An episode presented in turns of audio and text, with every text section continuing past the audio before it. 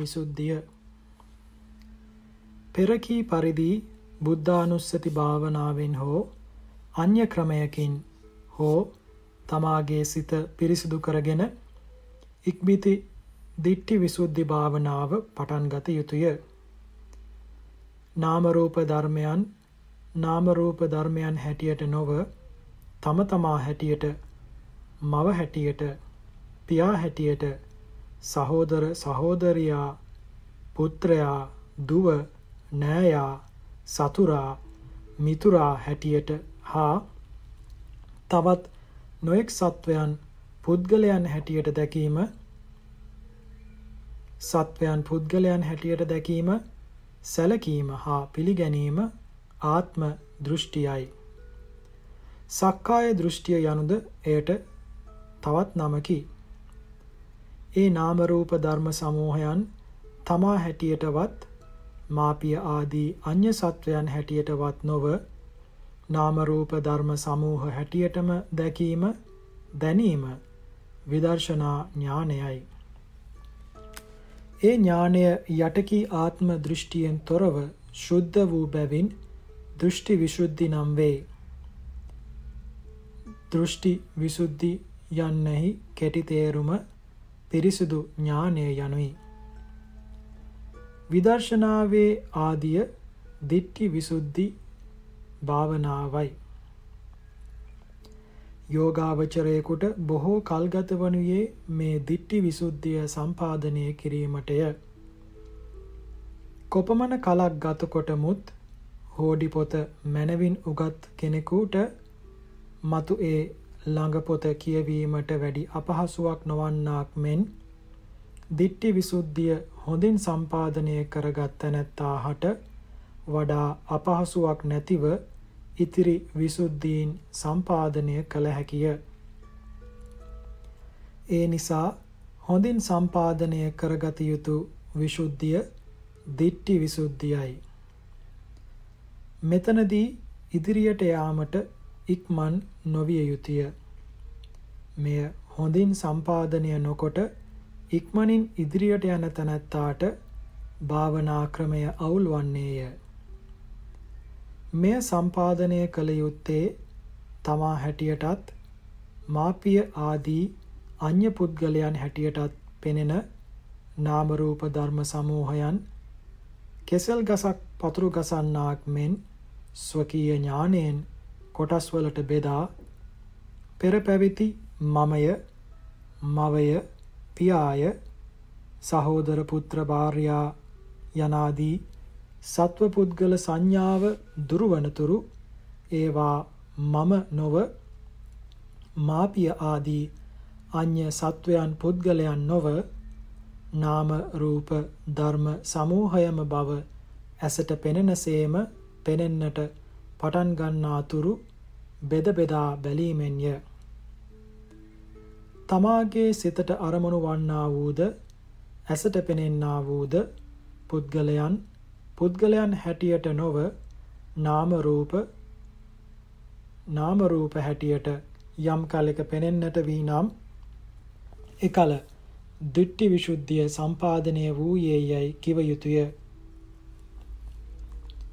නාම රූප ධර්ම මිස සත්වේකු පුද්ගලයෙකු නැතැයි අනුන් කියනු ඇසීමෙන් හා පොතපත ඉගෙනීමෙන් හා මද කලක් භාවනාවෙහි යෙදීමෙන් ඥාන දර්ශනයක් නොලබා සත්වේකු පුද්ගලයෙකු නැති බව සිතාගෙන දිට්ටි විසුද්ධිය සම්පාදනය වූයේ යයි මුලා විය හැකිය. මුලා නොවනු ගවයෙකු සොයා ඌ මරණ තැනට ගෙන ගොස් මරා හම ගලවා කැබලිවලට කපා මස් ගොඩක් ගසාගෙන එනේන මිනිසුන්ට මස් කප කපා කිරකිරා විකුණන ගෝඝාතකයාගේ සිතෙහි ගවයා සොයද්දීද? ගවයා ගෙන යද්දීද? ගවයා මරද්දීද? ගවයෙකු හොයමි ගවයෙකු ගෙන යමි ගවයෙකු මරමි යන සංඥාව පැවතියේය. දැන් මස් විකිණීමේදී ඔහු තුල මස් කපමිය, මස් කිරමිය, මස් විකුණමිය යන සංඥාව මිස ගවයෙකු කපමිය ගවයෙකු කිරමිය ගවයෙකු විකුණමිය යන සංඥාව නැත. ඔහු තුල පෙර පැවති ගවයාය යන සංඥාව දැන් කිසිසේත්ම නැත. දැන් ඔහු කෙරෙහි පෙර ගවයාය යන සංඥාව තිබුණ ස්ථානයේහි ඇත්තේ මස් යන සංඥාවයි.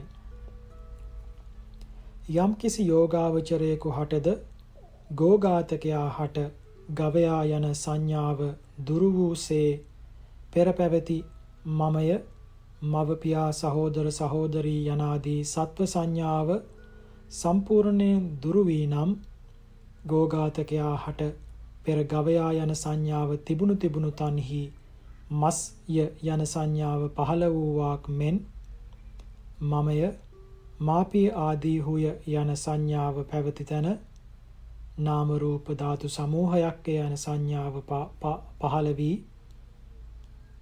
එසේ පහළ වුණේ නම් එකල්හි දෘෂ්ටි විසුද්ධිය සම්පාදනය වී යයි දත යුතුය.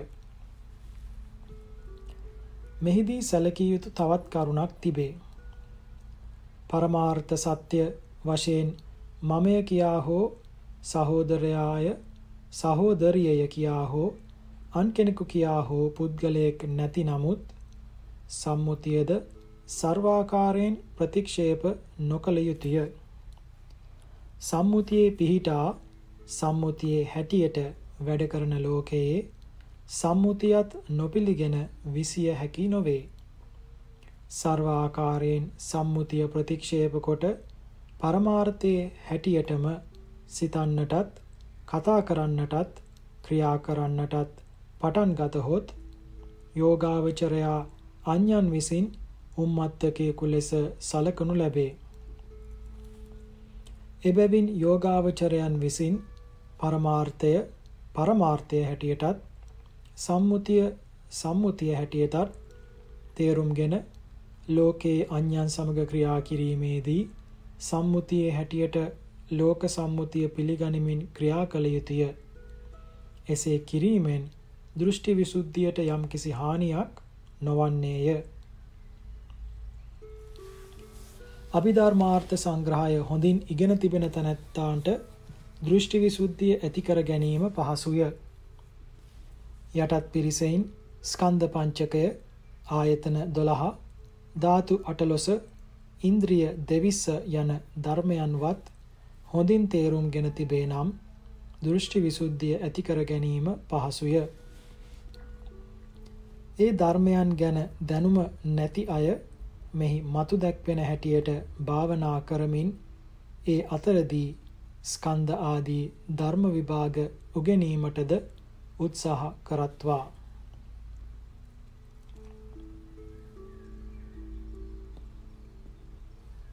උප්පත්තියෙන් පිහිටන ඥානය උගෙනීමෙන් ආදියෙන් ඇති කරගන්නා ඥානයයි ඥානය දෙවදෑරුම් වෙයි. ඒ දෙකම තිබෙන පමණට විදර්ශනා ඥානය ඇති කර ගැනීම පහසුය. විශේෂයෙන්ම යෝගාවචරයෙකුට උප්පත්තියෙන් පිහිටන ඥානය තිබිය යුතුයමය. ත්‍රි හේතුක ප්‍රතිසන්දිකයාය කියනුයේ උප්පත්තියෙන්ම ඥානය ඇතිව උපන් තැනැත්තාටය. ඥානය පිරිසිදු දෙයකි. පාරිශුද්ධත්වයේ හැටියට එය හීන මධ්‍යම උත්තම වශයෙන් තුන් කොටසකට බෙදිය හැකිය.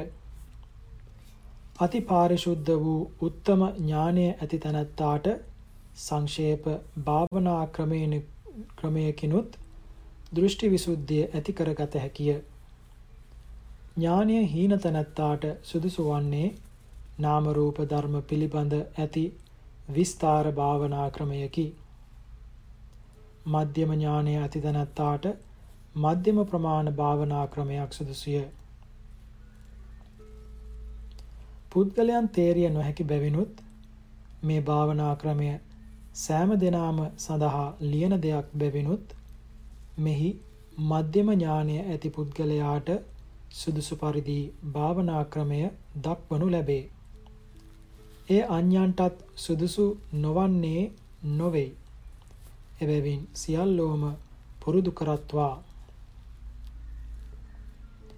දෘෂ්ටි විසුද්ධි භාවනාව කරනුයේ සත්වයෙකු පුද්ගලයෙකු වශයෙන් සලකන නාම රූප ධර්ම පිණ්ඩය හෙවත් බඹයක් පමණ ඇති විඥානයේ සහිත වූ මේ ශරීරය පරමාර්ථ ධර්ම කොටස් වලට බෙදා ඒ එක් එක් කොටසක් පාසාම ඒවායේ wen wen වූ ලක්ෂණ හා සර්ව සාධාරණ ලක්ෂණ වූ නිස්සත්ව නිජීවතාවද නැවත නැවත නුවණින් බැලීමෙනි.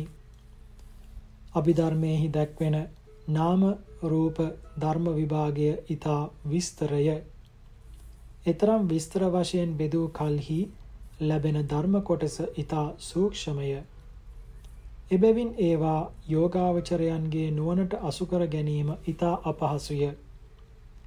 ක්ලේශ ප්‍රහාණයට හා මාර්ගඵලයනට පැමිණීමට නාම රූපයන් පිළිබඳ සුපරිශුද්ධ දර්ශනයක් තිබිය යුතුය. අති සූක්ෂම වූ නාම රූප ධර්ම කොටස් ඥාණයට හොඳින් අසු නොවන බැවින් අභිධර්ම ක්‍රමයට ධර්ම විභාග බලා ඇසට පෙනෙන පෙනීම බඳු සුපරිශුද්ධ දර්ශනයක් ඒවා පිළිබඳව ඇති කරගත හැකි නොවේ. දර්ශනය සුද්ධ නොවන කලෙහි සත්ව සංඥාව දුරු නොවේ.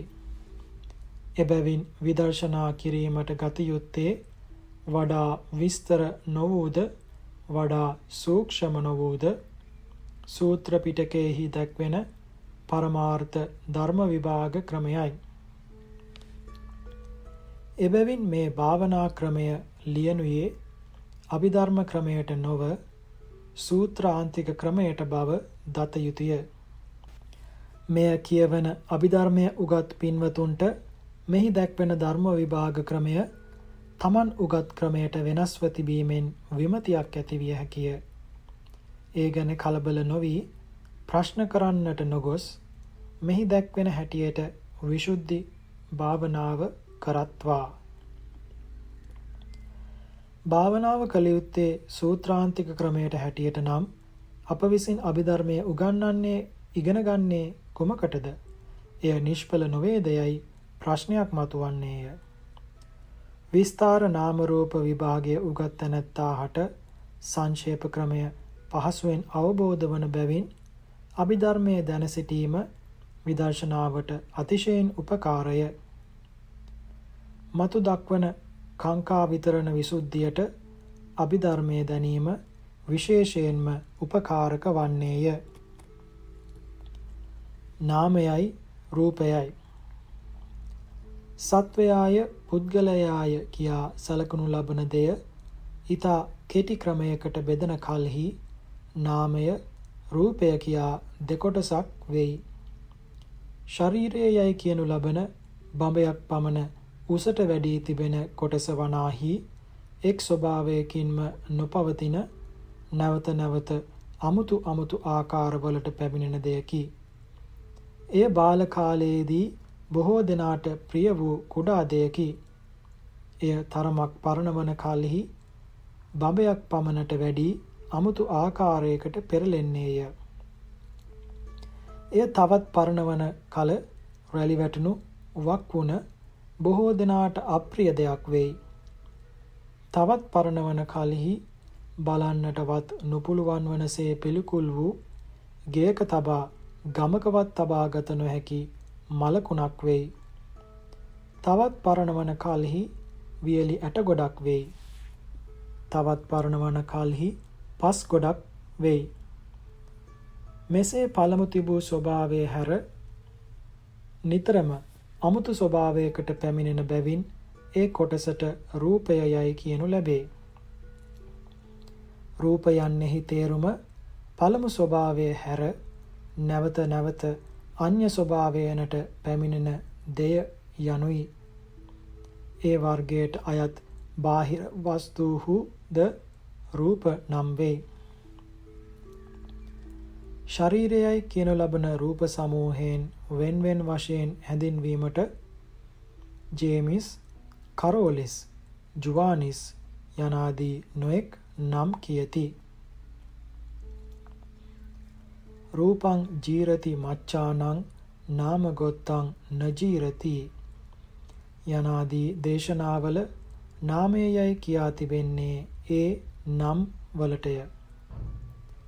පරමාර්ථ ධර්ම කතාවෙහි නාමයයි කියනු ලබන්නේ ඒ නම් වලට නොවන බව මතක තබාගත යුතුය. ශරීරය වනාහි වැටුණු තැනක නොසෙල්වි එලෙසම තිබෙන ක්‍රියා කිරීමේ ශක්තියක් නැති දැනීමක් නැති ලී කොට කැබැල්ලක් වැනි දෙයකි.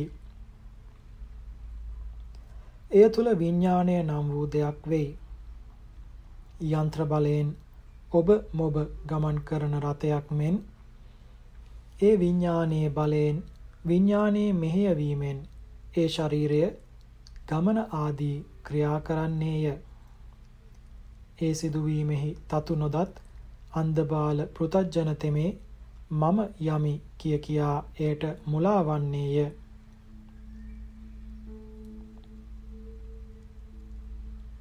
පරමාර්ථ ධර්ම කතාවෙහි නාමයයි කියනු ලබනුයේ සංප්‍රයුක්ත චෛතසික ධර්ම සමූහය සහිත වූ ඒ විඤ්ඥානයටය. විඤ්ඥානය යනු දැනීමයි. එය නිතරම දනු ලබන දෙය වූ අරමුණු හා සම්බන්ධය ඇතිව උපදිනා දෙයකි. එබැවින් විඤ්ඥානයාගේ පැවැත්ම අරමුණ තිබෙන දේශට නැමී තිබෙනු වැනිය. එසේ අරමුණට නැමී පැවතීම නිසා සම්ප්‍රයුක්ත ධර්ම සහිත වූ විඤ්ඥානය නාමය යයි කියනු ලැබේ. සතර පරමාර්ථයෙන් එක් ධර්මයක් වූ නිර්වාණය මේ නාමරූප දෙකටම සමාන නොවන අති සූක්ෂම ධර්මයකි. එය සමකරතොහොත් මදකින්වත් සමකළ හැක්කේ නාම ධර්මයන්ටය. එබැවින් පරමාර්ථ ධර්ම කතාවෙහිදී ඒ නිවන නාමයටම ඇතුළත් කරනු ලැබේ.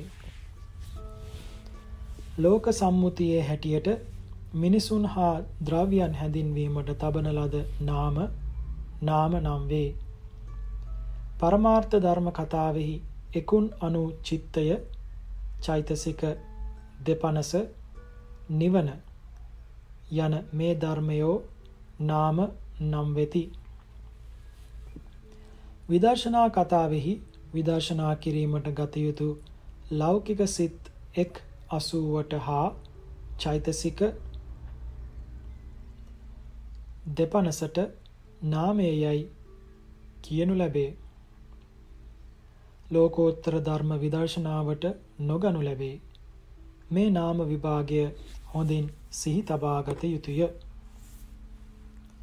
මෙතැන් පටන් චද්දාතු රෝයං බික්ඛු පුරිසෝ යනුවෙන් ධාතු විභංග සූත්‍රයේහි වදාරන ලද හයක් වූ ධාතුන්ගේ වශයෙන් දෘෂ්ටි විසුද්ධි භාවනා ක්‍රමය දක්වනු ලැබේ. සත්වයා නම් හයක් වූ ධාතුන්ගේ සමූහයකි. ඒ ධාතු හය නම් පඨවි ධාතුවය, ආපෝ ධාතුවය, තේජෝ ධාතුවය, වායෝ ධාතුවය, විඥාන ධාතුවය යන මොහුය. මෙයින් පඨවි ධාතු ආදී වූ රූපයෝය විඥාන ධාතුව නාමයයි. භාවනාව පටන් ගත යුත්තේ නාම රූප ධාතුන් පිළිබඳ හොඳ අවබෝධයක් පළමු කර ඇති කරගෙනාටය. එබැවින් ධාතුන් පිළිබඳ සාමාන්‍ය විස්තරයක් මෙහින් කරනු ලැබේ. මෙය ඊතා හොඳින් නැවත නැවතත් කියවා ධාතුන් පිළිබඳ තේරුමක් ඇති කරගත යුතුය. මේ තතු වැටහෙන්නට දින ගණනක් ගතවන්නට පිළිවන. එහෙත් අවධානයෙන් යුතුව කියවාමුත් අන්සැටියකින් මේ වැටහීම නොලබාගත හැකිය. නාම ධාතු රූප ධාතු දෙවර්ගයෙන් රූප ධාතු ඕදාරික බැවින්ද ඇසට පෙනෙන බැවින්ද ස්පර්ශ කළ හැකි බැවින්ද අවබෝධ කර ගැනීම පහසුය. එබැවින් භාවනා කරන කල්හි පළමුව රූප ධාතු පිළිබඳව භාවනා කළ යුතුය. එයට කලක් ගත විය හැකිය. රූප ධාතුන් ඥාණයට හොඳින් දර්ශනය වූ කල්හි ඒවා අනුසාරයෙන් සූක්ෂම වූද නාම ධාතුන් පහසුවෙන් දත හැකිය. එබැවින් රූප ධාතුන් පිළිබඳ විස්තරය මෙහි පළමු කොට කරනු ලැබේ. රූප ධාතු පස ධාතු යන වචනයෙහි තේරුම සත්වයකු නොවන පුද්ගලයෙකු නොවන සත්ව පුද්ගල ස්වභාවය නැති දේය යනුයි. පඨවි යන්නෙහි තේරුම පස යනුයි. පඨවි ධාතුව යන්නෙහි තේරුම සත්වයකු පුද්ගලයෙකු නොවන පස යනුයි. තද බව එහි ලක්ෂණයයි.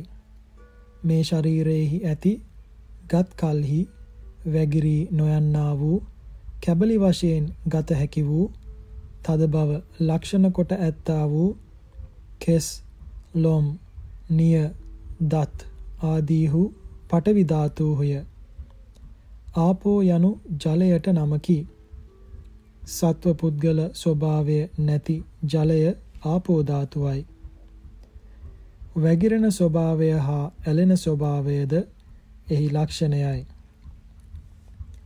මේ ලක්ෂණයෙහි මේ ශරීරයෙහි වැగిරෙන ගතිය, ඇලෙන ගතිය, සෙවල ගතිය ඇත්තා වූ පිත්, සෙම් ආදීහු ආපෝ ධාතුහුය. තේජෝ යනු ගින්නට නමකි. සත්ව පුද්ගල ස්වභාවය නැති ගින්න තේජෝ ධාතුවයි. මද වූ කල්හි එයට උණුසුමයයිද කියනු ලැබේ. දවන ස්වභාවය එහි ලක්ෂණයයි. ඉපදවීම ආරක්ෂා කිරීම මේරවීම දිරවීම විකාරයට පැමිණවීම විනාශ කිරීම යන මොහු තේජෝ ධාතුවගේ කෘත්‍යයෝය. ශරීරයේහි ඇත්තා වූ උණුසුම් ගතිය තේජෝ ධාතුහුය. වායෝ යනු සුළඟට නමකි. සත්ව පුද්ගල ස්වභාවයක් නැති සුළඟ වායෝ ධාතුවයි.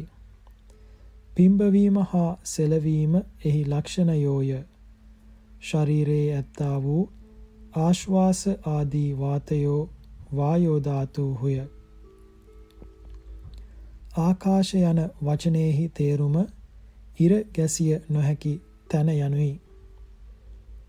පටවි ආදී වස්තුන්ට ස්ථාන වීම හා එකිනෙකින් අනෙක වෙන් කිරීම එහි ලක්ෂණයෝය. ශරීරයේහි කන් සිදුරු, නාස් සිදුරු ආදී කිසිවක් නැත්තා වූ ස්ථානයෝ ආකාශ ධාතුහුය. පඨවි ආදී ධාතුහු විශාල වස්තුන් නොව ඊතා කුඩා ද්‍රව්‍යයෝය. විශාල වස්තුන් සේ පෙනෙනුයේ ධාතු සමූහයන්ය. වැලි කැටය ඊතා කුඩා දෙයකි. ඒවා සමූහයක් වූ කලෙහි සියල්ල සිතින් එකක් කොටගෙන වැලි කන්දයයි කියනු ලැබේ. නමුත් වැලි හැර කන්දය කියා 아무තු දෙයක් එහි නැත. කන්ද නම් සිතට දැනෙන ආකාරයක් පමණකි. එය සත්‍ය වශයෙන් ඇති දෙයක් නොවේ. විශාල වස්තුන් හැටියට සලකන සියල්ලම මේ වැලි කන්ද වැනි සත්‍ය වශයෙන් නොලැබෙන ධාතු සමූහයෝය. එක් එක් ධාතුවකගේ ප්‍රමාණය අභිධර්ම ක්‍රමේ හැටියට කියතොත් යෝගාවචරයන්ගේ නුවණට අසු නොවන තරමේ කුඩා දෙයක් වෙයි. එපමණකුත් නොව අභිධර්ම ක්‍රමේ හැටියට දක්වන රූප කලාපයක ධාතු හතරම ඇත්තේය. කෙස් ලොම් ආදීන්ට පමණක් නොව සියුම් වූ චන්ද්‍රාලෝක සූර්ය ආලෝක ආලයන් ආලෝකයන්හි පවා ධාතු හතරම ඇත්තේය.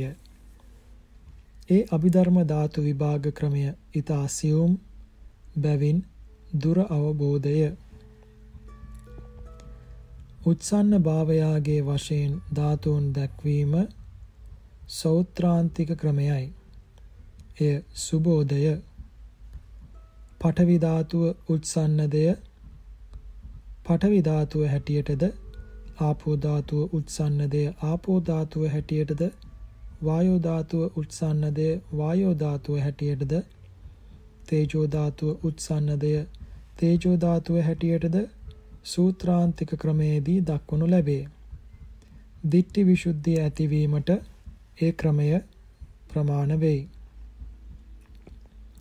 සූත්‍රාන්තික ක්‍රමයේ හැටියට එක් එක් ධාතුවක් සුණු අලු සිමෙන්ති පිටි සහල් ආදී වස්තුන්ගේ කුඩා කොටස් තරමට සැලකිය යුතුය.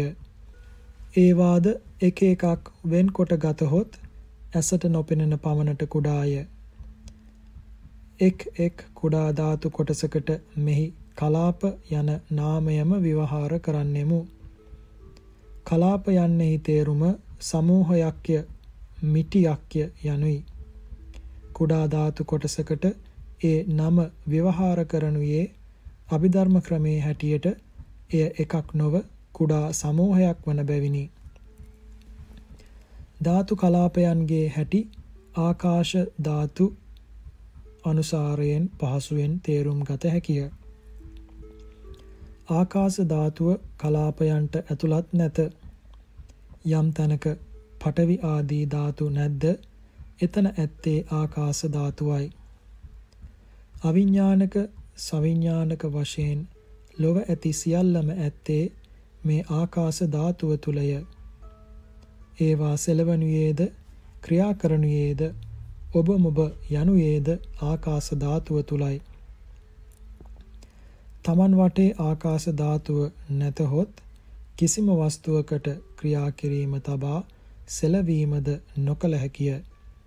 ඔවුනොවුන්ගෙන් වෙන්ව තිබෙනු පෙනෙන ධාතු සමූහ වූ විශාල වස්තුන් මෙන්ම එකට ගැටී පවත්නා කලාපයෝද තමන් වටේ ආකාශ ධාතුව ඇතිව ඒ ආකාශ ධාතුවෙන් අන්‍ය කලාපයන්ගෙන් වෙන් වී තිබේ.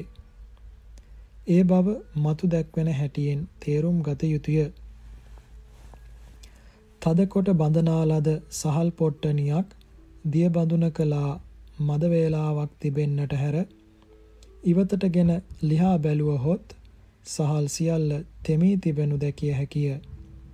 සහල් තෙමීම නම් සහල් ඇටවල පිටපැත්ත හැමතැනම ජලය තැවරීමයි. එකිනෙකට තද වී තිබුණු සහල් අතරට ජලය ඇතුළු විය හැකි වූයේ සහල් ඇට අතර ඉඩක් තිබුණ බැවිනි. ඒ ඉඩ ආකාශ ධාතුවයි.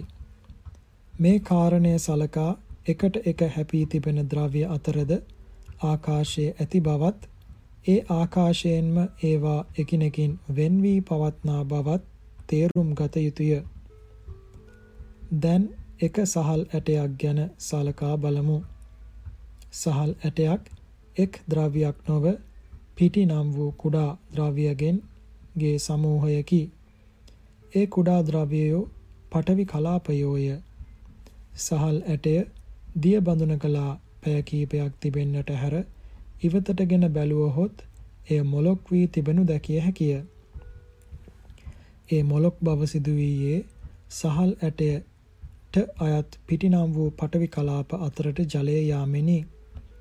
එක් දෙයක් තිබෙන තැනකට තවත් දෙයකට නොපැමිණිය හැකි බැවින් ඒ පටවි කලාපයන් අතරට ඉඩක් හෙවත් ආකාශ ධාතුවක් නොතිබුණා නම් සහල් ඇටයට ජලය නොවැදිය හැකිය.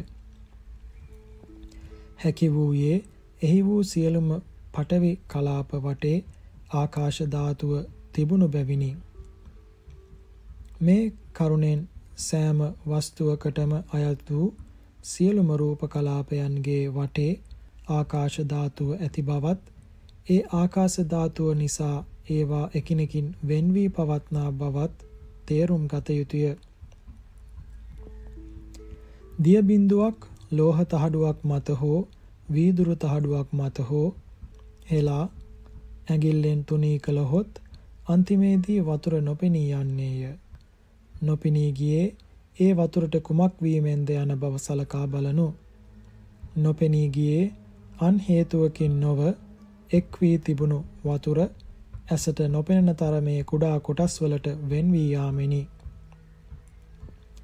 නැවත ඒවා තිබුණු හැටියටම එකතු කළ හැකිනම් පළමු තිබුණු දිය බිඳුව දැකිය හැකි වනු ඇත. වෙන් වූ කල ඇසට නොපෙනෙන තරමට කුඩා වූ ඒ ජල කොටස් ආපෝ ධාතු කලාපයෝය. වැව් පොකුණු ගංගා ආදීෙහි විශාලව පෙනෙන ආපෝ ධාතු සමූහයෝ පළමු කී දිය බිඳුවේහි කොටස් වැනි ආපෝ කලාපයෝය. සහල් ඇටේ පිටිමෙන් ඒවාද එකිනෙකට වෙන්ව එකක් පාසා වෙන වෙනම ආකාශ ධාතුවෙන් වට වී තිබෙන බව සහල් ඇටයට අනුව සිතා තේරුම් ගත යුතුය. තේජෝ වායෝ ධාතු දෙකද ආපෝ ධාතු කොටස්සේ ආකාශ ධාතුවෙන් වට වී ඇති කුඩා කොටස් බවද සලකා ගත යුතුය. පොල් ගෙඩි තුනක් එක්කොට ලණුවකින් තදකොට බදිනු ලැබුවහොත් මැද කුහරයක් පෙනෙනු ඇත. ඒ කුහරය නම් ආකාශ ධාතුවයි. ඒ ආකාශ ධාතුව පොල් ගෙඩි තුන එක්වීම නිසා ඇති වූ අමුතු දෙයක් නොව පොල් ගෙඩි තුන එක්ව තිබෙන තැන පෙර පටන්ම පැවති ආකාශය බව දත යුතුය. පොල් ගෙඩි තුන එතනින් අන්තනකට ගතහොත් එතනද පොල් අතරේ කුහරය පෙනෙනු ඇත.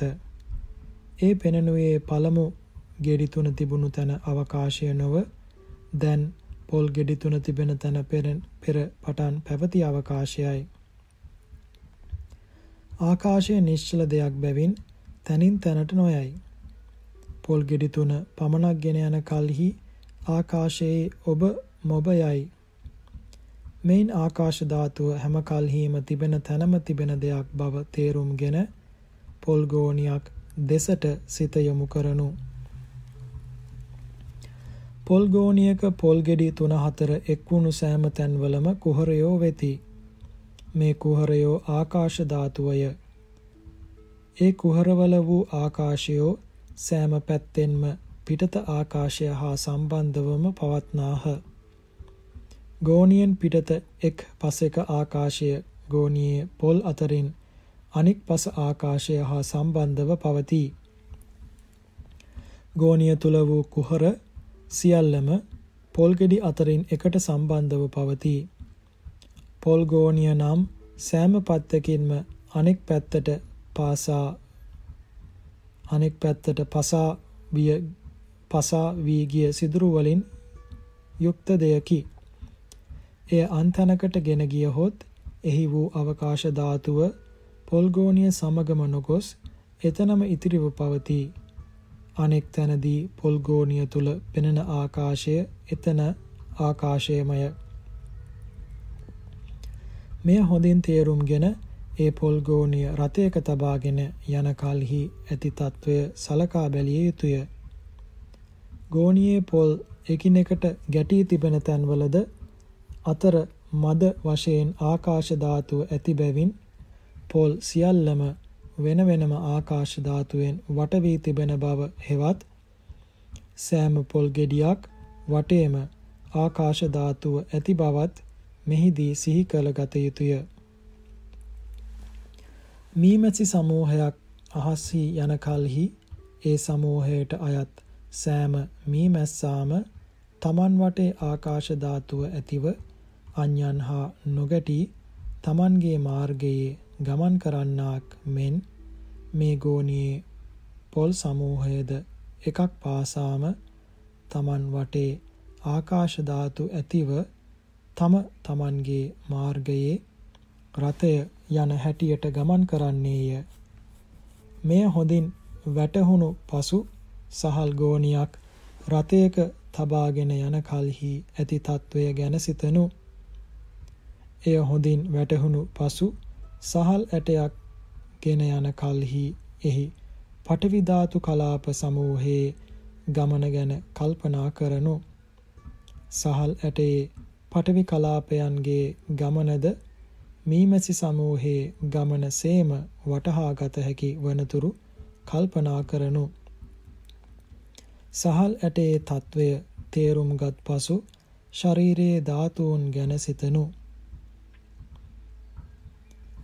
සම්පූර්ණයෙන්ම වැඩුණු මිනිසෙකුගේ ශරීරයේ පටවි කලාප ද්‍රෝණයක් පමණද ඉන් අඩක් හෙවත් අටනැලියක් පමණ ආපෝ ධාතුද ඇත්තේය. සියුම් රජස් වූ වියලි පටවි ධාතු කලාප ආපෝ ධාතුවෙන් තෙත් කොට විසිරී නොයන තැනට පමුණුවන ලදුව වායෝ ධාතුවෙන් පුම්බන ලදුව තේජෝ ධාතුවෙන් උණුසුම් කොට ආරක්ෂා කරන ලදුව එක් දෙයක් එක් පුද්ගලයෙකුසේ පෙනෙන හැටියට ඒ ධාතුන්ගෙන් ශරීරය සෑදී තිබේ.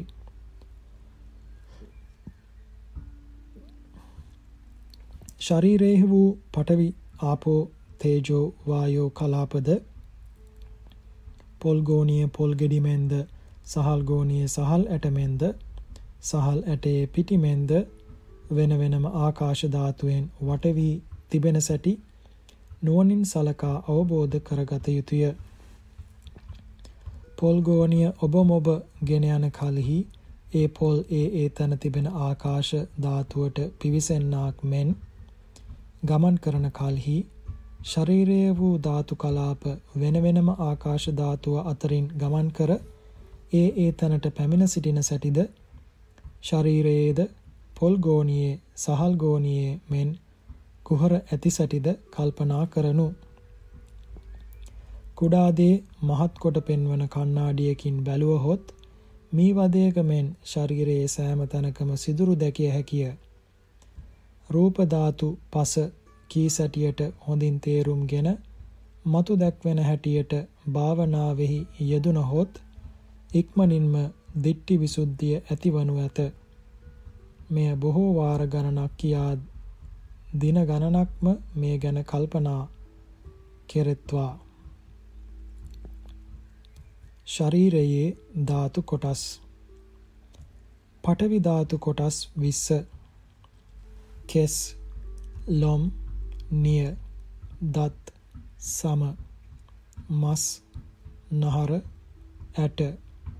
ඇටමිදුළු වකුගඩුව හදවත අක්මාව දලබුව ඇලදිව පෙනහැලි අතුණු අතුණු බහන් නොපැසුණු ආහාර පැසුණු ආහාර මොලය මේ කොටස් 20 හා තවත් ශරීරයේ කර්කශ ලක්ෂණ ඇති යමක් වේ නම් ඒ සියල්ලම පඨවි ධාතුහුය. ආපෝ ධාතු කොටස් 12 පිත සෙම සරව ලේ දහඩිය මේද තෙල කඳුළු වුරුණු තෙල කෙල සොටු සඳ මිදුළු මුත්‍ර යන මේ කොටස් 12 හා ශරීරයේ ආබන්ධන ලක්ෂණයෙන් යුක්ත වූ අඤ්‍ය වූද යම් කිසිවක් වේ නම් ඒ සියල්ලම ආපෝ ධාතුහුය. පඨවි ධාතු කොටස් 20 හා ආපෝ ධාතු කොටස් 12 හොඳින් කටපාඩම් කරගත යුතුය. යෝගාවචරයන් විසින් ඒ ඒ ධාතු කොටස් වල හැටි හොඳින් දැනගත යුතුය. ග්‍රන්ථය දික්වන බැවින් කොටස්වල හැටි මෙහි නොදක්වනු ලැබේ.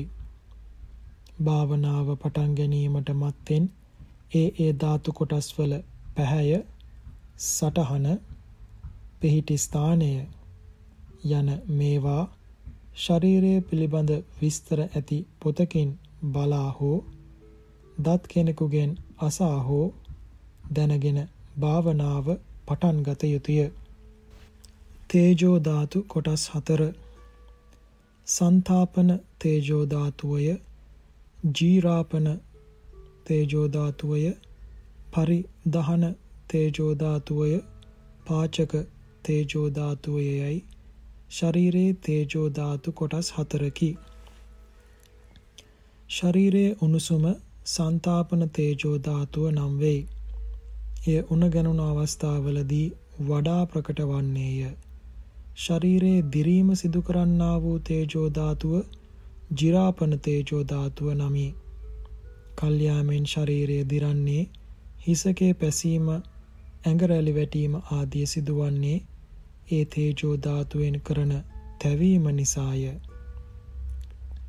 ශරීරය දවන්නා වූ තේජෝ ධාතුව පරිදහන තේජෝ ධාතුව නම් වේ. මිනිසුන් විසින් ඇස් දැවිල්ලයි පපුව දැවිල්ලයි අත්පා දැවිල්ලයි යනාදිය කියනුයේ ඒ තේජෝ ධාතුවෙන් කරන දැවීමටය දැවීම මිස එහි උණුසුමක් නැත. අනුභව කළ ආහාරය පැසවන්නා වූ තේජෝ ධාතුව පාචක තේජෝ චේජෝ ධාතුව නම් වේ.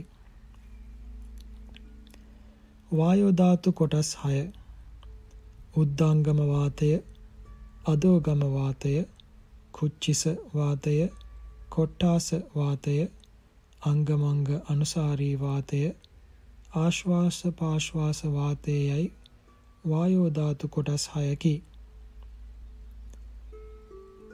හික්ඛා වමනාදිය පවත්වන උඩු බලා ගමන් කරන වාතය උදංගම වාත නම් වෙයි.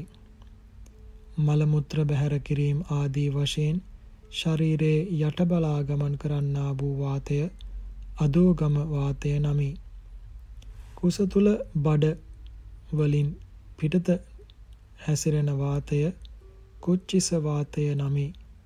බඩවැල් ඇතුළත හැසිරෙන වාතය කොට්ටාස වාතය නමි.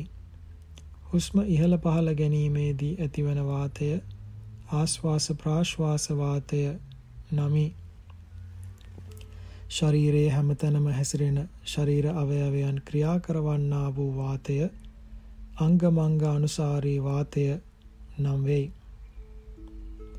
පඨවි ධාතු කොටස් 20, ආපෝ ධාතු කොටස් 12, තේජෝ ධාතු කොටස් 4, වායෝ ධාතු කොටස් 6 යන මේ ධාතු කොටස් දෙසාලිසට ද්වත් චත්තාලිසාකාරයයි කියනු ලැබේ. ආකාශ ධාතුව කන් සිදුරු දෙක, නාස් සිදුරු දෙක, මුඛයේ සිදුර, ග්‍රීවයේ සිදුර, අනුභව කළ ආහාර රැස්වන ස්ථානයේ කුහරය දිරු ආහාර පිට කරන සිදුර යනාදී ශරීරයේ ඇති සිදුරු සියල්ල ආකාශ ධාතුවයි. භාවනා ක්‍රමය මතු දක්වන වගන්ති පාඩම් කරගෙන පෙරකී උපදෙස් අනුව සිහිනුවණින් යුක්තව දෘෂ්ටි විසුද්ධිය සඳහා භාවනා කරනු පළමු කොටස 1 කෙස්. මේ ශරීරයේහි එක් පටවි ධාතු කොටසකි. එක් එක් කෙස් ගසක් එක් එක් පටවි කලාප සමූහයකි. පටවි ධාතු කලාප හැර කෙස් කියා දෙයක්ද? සත්‍ය වශයෙන් නැත. සත්‍ය වශයෙන් ඇත්තේ පඨවි කලාප පමණකි.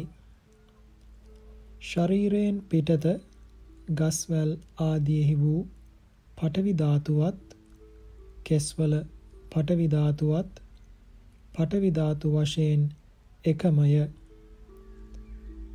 ගස්වැල් ආදීෙහි පඨවි ධාතු සත්වයන් පුද්ගලයන් නොවන්නාක් මෙන් කෙස් යයි කියනු ලබන මේ පඨවි ධාතුවද සත්වයෙක් නොවෙයි පුද්ගලයෙක් නොවෙයි. මම නොවෙයි. දෙක ලොම්. මේ ශරීරයේ එක් පටවි ධාතු කොට්ටාසයකි එක් ලෝමයක එක් පටවි ධාත් පටවි කලාප සමූහයකි. පටවි කලාප හැර ලොම් යයි කියා සත්‍ය වශයෙන් නැත්තේය. සත්‍ය වශයෙන් ඇත්තේ පටවි කලාප පමණකි. ශරීරයෙන් පිටත ගස්වැල් ආදියෙහි පටවි ධාතුවත් ලොම් යයි කියනු ලබන මේ පටවි ධාතුවත් පටවි ධාතු වශයෙන් එකමය. ගස්වැල් ආදියෙහි පටවි ධාතු සත්වයන් පුද්ගලයන් නොවන්නාක් මෙන් ලොම් යයි කියනු ලබන මේ පටවි ධාතුවද සත්වයෙක් නොවේයි. පුද්ගලයෙක් නොවෙයි මම නොවෙයි. මේ ආකාරයට නිය දත් සම වෙන වෙනම සලකා බැලූ කල ඒවා ශරීරයේ ඇති පටවි ධාතු කොටස්ය. මේ පටවි ධාතු සමූහ සත්වයෙක් නොවෙයි පුද්ගලයෙක් නොවෙයි. මම නොවෙයි. කෙස් ලොම් නිය දත් සම යන මේ කොටස් පහ පිළිබඳ භාවනාව කලින් කියන ලද පරිදි සතියක් කරනු දිනක් භාවනා කරන කාලය පැයකට අඩු නම් දෙසතියක්ම මේ භාවනාව කරනු ඉදිරියට යන්නට ඉක්මන් නොවනු. භාවනාව කරන කල්හිද ඉක්මන් නොවි. ධාතු කොටස් හොඳින් වැටහෙන හැටියට පෙනෙන හැටියට භාවනා කරනු. දෙවන කොටස එක. මස්. මේ ශරීරයෙහි එක් පටවි ධාතු කොටසකි. එක් මස් පිඩක් එක් පටවි කලාප සමූහයකි. පටවි කලාප හැර මස්ය කියා දෙයක්ද සත්‍ය වශයෙන් නැත. ඇත්තේ පටවි කලාප පමණකි. ශරීරයෙන් පිටත ගස්වැල් ආදියෙහි ඇත්තා වූ පටවි ධාතුවත් මස්යයි කියනු ලබන මේ පටවි ධාතුවත් පටවි ධාතු වශයෙන් එකක්ය. ගස්වැල් ආදියෙහි පටවි ධාතුව සත්වේකු පුද්ගලයෙකු නොවන්නාක් මෙන් මස්සයි කියනු ලබන මේ පටවි ධාතුවද සත්වයක් පුද්ගලයෙක් නොවේයි මම නොවේයි. දෙක නහර. මේ ශරීරයේහි එක් පටවි ධාතු කොටසකි. එක් නහරයක් එක් පටවි කලාප සමූහයකි. පටවි කලාප හැර නහරය කියා දෙයක්ද සත්‍ය වශයෙන් නැත. ශරීරයෙන් පිටත ගස්වැල් ආදීෙහි පටවි ධාතුවත් නහර යයි කියනු ලබන මේ පටවි ධාතුවත් පටවි ධාතු වශයෙන් එකක්මය. ගස්වැල් ආදීෙහි පටවි ධාතුව සත්වයක පුද්ගලයෙකු නොවන්නාක් මෙන් නහර යයි කියනු ලබන මේ පටවි ධාතුවද සත්වයෙක් පුද්ගලයෙක් නොවේයි. මම නොවේයි. ඇට පෙයාල ඇට මිදුළු පෙයාල වකුගඩුව පෙయ్యాල මස් නහර ඇට ඇට මිදුළු වකුගඩු යන මේ ධාතු කොටස් පහ පිළිබඳ භාවනාව කියන ලද පරිද්දෙන් සතියක් කරනු. ඉක්බිති පළමු සතියේ භාවනාවත් මෙයත් එකතු කොට කෙස්වල පටන් වකුගඩුව දක්වා ඇති ධාතු කොටස් 10 පිළිබඳ භාවනාව සතියක් කරනු.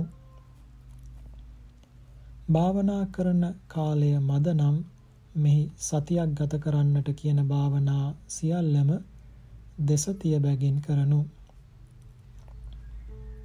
තුන්වන කොටස 1 හෘද මාංශය මේ ශරීරයේ එක් පටවි ධාතු කොටසකි. පටවි කලාප සමූහය හැර හෘදය මාංශය කියා දෙයක්ද සත්‍ය වශයෙන් නැත. ඇත්තේ පටවි කලාප පමණකි. ශරීරයෙන් පිටත ගස්වැල් ආදීෙහි පටවි ධාතුවත් හෘද මාංශය යයි කියනු ලබන මේ පටවි ධාතුවත් පටවි ධාතු වශයෙන් එකමය. ගස්වැල් ආදීෙහි පටවි ධාතුව සත්වයෙකු පුද්ගලයෙකු නොවන්නාක් මෙන් හෘදය මාංශයයි කියනු ලබන මේ පටවි ධාතුවද සත්වයක් පුද්ගලයෙක් නොවේ. මම නොවේ. දෙක අක්මාව පෙයාල තුන දලබුව පෙයාල හතර ඇලදිව පෙයාල පහ පෙනහල්ල පෙයාල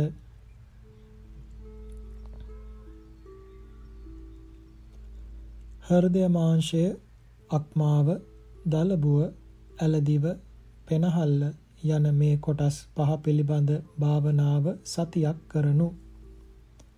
නැවත කේසාහි පටන් පෙනහල්ල දක්වා ඇති කොටස් 15ම එක් කොට සතියක් භාවනා කරනු. හතරවන කොටස. අතුණු අතුණු බහන් නොපැසුණු ආහාර පැසුණු ආහාර මොලය යන පටවි ධාතු කොටස් පහ පිළිබඳවද අතුණු නම් මේ ශරීරයේ ඇති එක් පටවි ධාතු කොටසකි.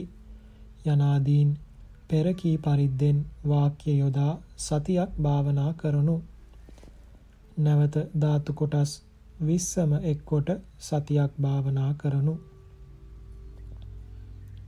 පස්වන කොටස පිත මේ ශරීරයේ එක් ආපෝ ධාතු කොටසකි. ආපෝ කලාප සමූහය හැර පිත යයි කියා දෙයක් නැත.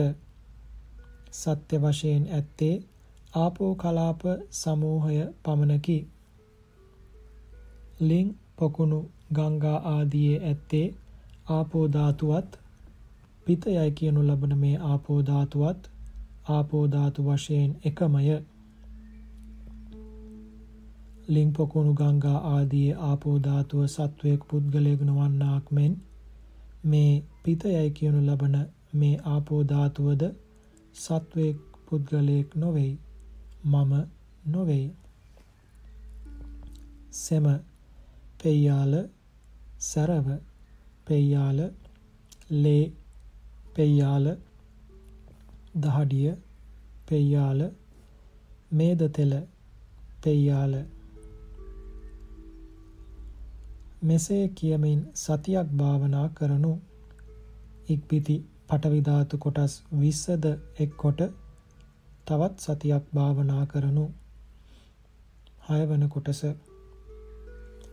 කඳුළු මේ ශරීරයේ ඇති එක් ආපෝ ධාතු කොටසකි.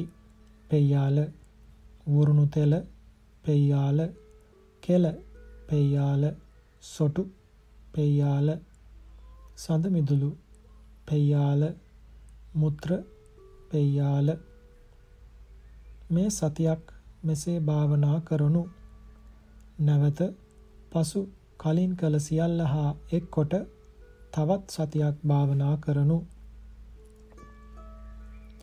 හත්වන කොටස. සන්තාපන තේජෝ ධාතුව ජිරාපන තේජෝ ධාතුව පරිධාන තේජෝ ධාතුව පාචක තේජෝ ධාතුව යයි ශරීරයේ තේජෝ ධාතු කොටස් හතරකි. ශරීරයෙහි ඇත්තා වූ තේජෝ ධාතුවත් ශරීරයෙන් පිටත ඒ ඒ තැන්වල ඇති ගිනි හා උණුසුම් ගතිද සිසිල් ගතිද තේජෝ ධාතු වශයෙන් එකය. ශරීරයෙන් පිටත ඒ ඒ තැන ඇති ගිනි උණුසුම් ගති සිසිල් ගති සත්වයන් පුද්ගලයන් නොවන්නාක් මෙන් ශරීරයේ වූ තේජෝ ධාතුවද සත්වයෙක් පුද්ගලයෙක් නොවේයි. මම නොවේයි.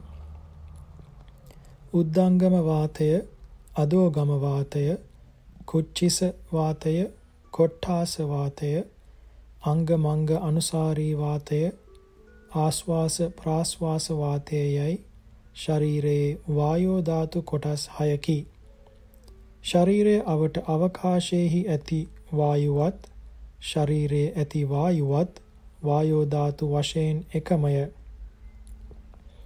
ශරීරයේ අවට අවකාශයේහි ඇති පිරී පවත්නා වූ වායුව සත්වයකු නොවන්නාක් මෙන් ශරීරයේ වූ වායෝ ධාතුවද සත්වයකු නොවේ. පුද්ගලයෙකු නොවේ. මම නොවේ. මේ ශරීරයේ කන් සිදුරු නාස්සිදුරු ආදියෙහි පටවි කලාප ආදිය අතරෙහි ඇත්තා වූ ආකාශයත් ශරීරයෙන් පිටත ඇත්තා වූ ආකාශයත් ආකාශ ධාතු වශයෙන් එකමය. ශරීරයේ අවට පවත්නා වූ ආකාශ ධාතුව සත්වයක් පුද්ගලයෙක් නොවන්නාක් මෙන් ශරීරයෙහි වූ ආකාශ ධාතුවද සත්වයක් පුද්ගලයෙක් නොවේ. මම නොවේ. මෙසේ තේජෝ වායෝ ආකාශ යන ධාතු තුන පිළිබඳව සතියක් භාවනා කරනු. ඉක්බිති සියල්ලම එක්කොට රූප ධාතු කොටස් හොඳින් වැටහෙනතුරු නැවත නැවත භාවනා කරනු. කියන ලද පරිදි විස්තර වශයෙන් භාවනා කොට ධාතුන් වැටහුණු කලෙහි සංක්ෂේප ක්‍රමයෙන් භාවනා කරනු. එය මෙසේය. මේ ශරීරයේහි කර්කශ බව, තද බව ලක්ෂණ කොට ඇත්තා වූ සියල්ල පඨවි ධාතුය. දැනුමක් නැත්තා වූ ක්‍රියා කිරීමේ ශක්තියක් නැත්තා වූ ඒ පඨවි ධාතුව සත්වයෙක් පුද්ගලයෙක් නොවේයි. මම නොවේයි. මේ ශරීරයේහි වැగిරෙන බව, ඇලෙන බව ලක්ෂණ කොට ඇත්තා වූ සියල්ල ආපෝ ධාතුය. දැනීම හා ක්‍රියා කිරීමේ ශක්තියක් නැත්තා වූ ඒ ආපෝ ධාතුව සත්වයක් නොවේයි. පුද්ගලයෙක් නොවේයි. මම නොවේයි. මේ ශරීරයේ උණුසුම් බව, දවන බව, පැසවන බව ලක්ෂණ කොට ඇත්තා වූ සියල්ල තේජෝ ධාතුය. දැනීම හා ක්‍රියා කිරීමේ ශක්තියක් නැත්තා වූ ඒ තේජෝ ධාතුව සත්වයක් පුද්ගලයෙක් නොවේයි. මම නොවේයි. මේ ශරීරයේ සැලෙන ලක්ෂණ, පුම්බන ලක්ෂණ ඇත්තා වූ සියල්ල වායෝ ධාතුය. දැනීම හා ක්‍රියා කිරීමේ ශක්තියක් නැත්තා වූ ඒ වායෝ ධාතුව සත්වයක් නොවේයි පුද්ගලයෙක් නොවේයි මම නොවේයි මේ ශරීරයේ කුහර සියල්ල ආකාශ ධාතුය. දැනීමක් නැති ක්‍රියා කිරීමේ ශක්තියක් නැති ඒ ආකාශ ධාතුව සත්වයක් පුද්ගලයෙක් නොවේයි මම නොවේයි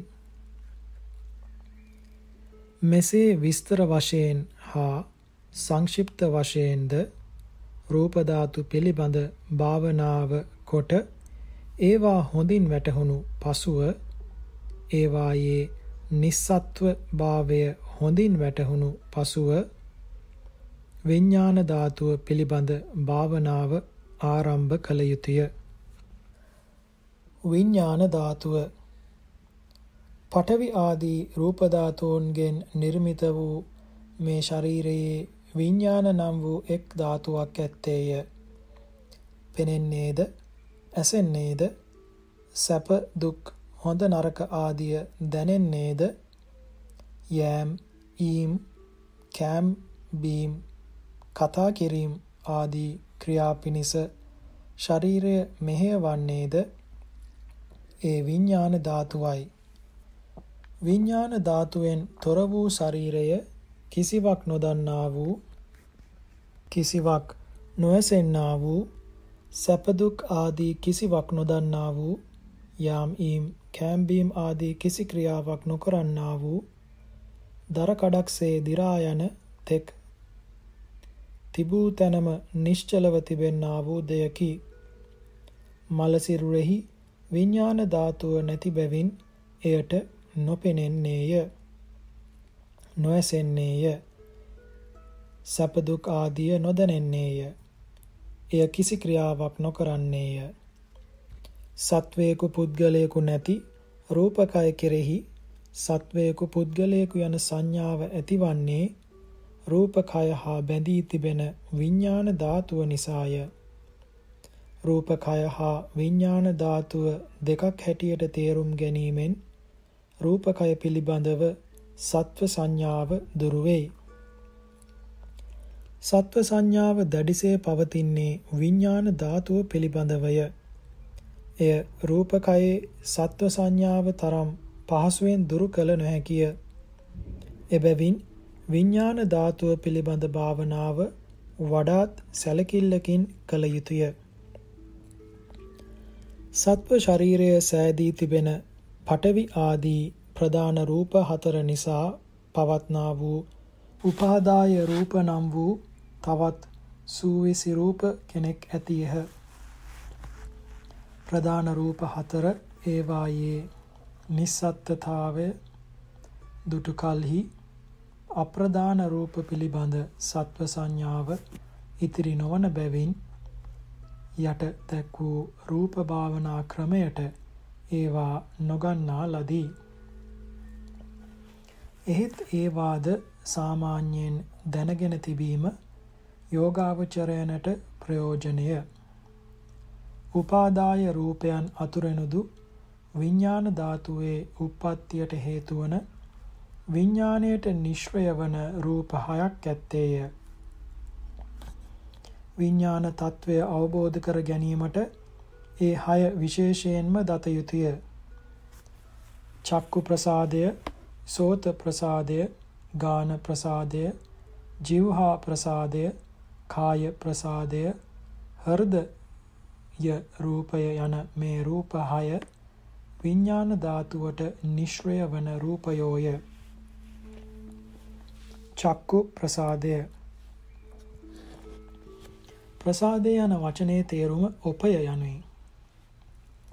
ඇස සෑමතැනම ඔපයක් නම් ඇත. එහෙත් චක්කු ප්‍රසාදයයි නොකියනු ලැබේ. කළු ඉංගිරියාවයයි කියනු ලබන ඇසේ කළු ලපය මැද ප්‍රමාණයෙන් උකුණු හිසක් පමණ වූ තැන දිවි සතක පවත්නා ඔපයක් ඇත. එයට චක්කු ප්‍රසාදයයි කියනු ලැබේ. ඉදිරියේ තිබෙන වස්තුන්ගේ ඡායා කැඩපතකට පහළවන්නාක් මෙන් ඇස ඉදිරියේ ඇති දේවල් ඡායා ඒ ඔපය තුල පහළවන්නේය. ශෝත ප්‍රසාදය කං අඩියේ කුඩා ස්ථානයක සෝත ප්‍රසාදය රූප පිහිටා තිබේ. රූපයන්ගේ මෙන්ම ශබ්දයන්ගේද හැඩහුරු කමෙන් ආකාර විශේෂයක් ඇත්තේය. එය ඇසට පෙනෙන උපයක් නොවේ. රූප ඡායාව කැඩපත් ආදියේ උපයෙහි පහළවන්නාක් මෙන් ශබ්දයන්ගේ ඡායාව ඒ ඒ ශබ්දයේ හැඩහුරු කමින් ශෝත ප්‍රසාදයේ යෙහි පහළ වෙයි. ගාන ප්‍රසාදය මෙය නාසය තුල එළු කුරයකට සටහනකට බඳු සටහනක් ඇති තැනක පිහිටි ඔපයකි. සුන්දර අසුන්දර ගන්ධයන් ගෙන නාසා කුහරය තුලට වැද ගන්නා වාතයේහි ඇති ගන්ධය එහි ස්පර්ශ වෙයි. ජීවහා ප්‍රසාදය මෙය දිව මැද කොටසෙහි නෙළුම් පෙත්තකට අගට බඳු සටහන ඇති තැනක අනුභව කරන ආහාරයන්ගේ රසය ස්පර්ශ වීමට සුදුසු පරිද්දෙන් පිහිටි ඔපයකි. කාය ප්‍රසාදය මෙය ඒ ඒ වස්තුවෙහි ඇති තද බව, මොළොක් බව, උණුසුම් බව, සිසිල් බව ආදී ගුණයන් ස්පර්ශ වීමට සුදුසු පරිද්දෙන් ශරීරයේ හැම තැනම වාගේ පිහිටි එක්තරා ස්වභාවයකි. හෘදය රූපය මෙය හෘදය කෝෂය තුල පවත්නා අඩපතක් පමණ ලේ ඇසුරු කොට විඥාන ධාතුවට නිශ්‍රය වීමට සුදුසුසේ පවත්නා වූ එක්තරා ස්වභාවයකි. විඥානයන්ගෙන් වැඩි කොටසක් උපදිනුයේ හෘදය රූපය නම් වූ ස්වභාවය ඇසුරු කොටගෙනය. විඥාන ධාතුව. විඥාන ධාතුව දැනීම හෙවත් සිතය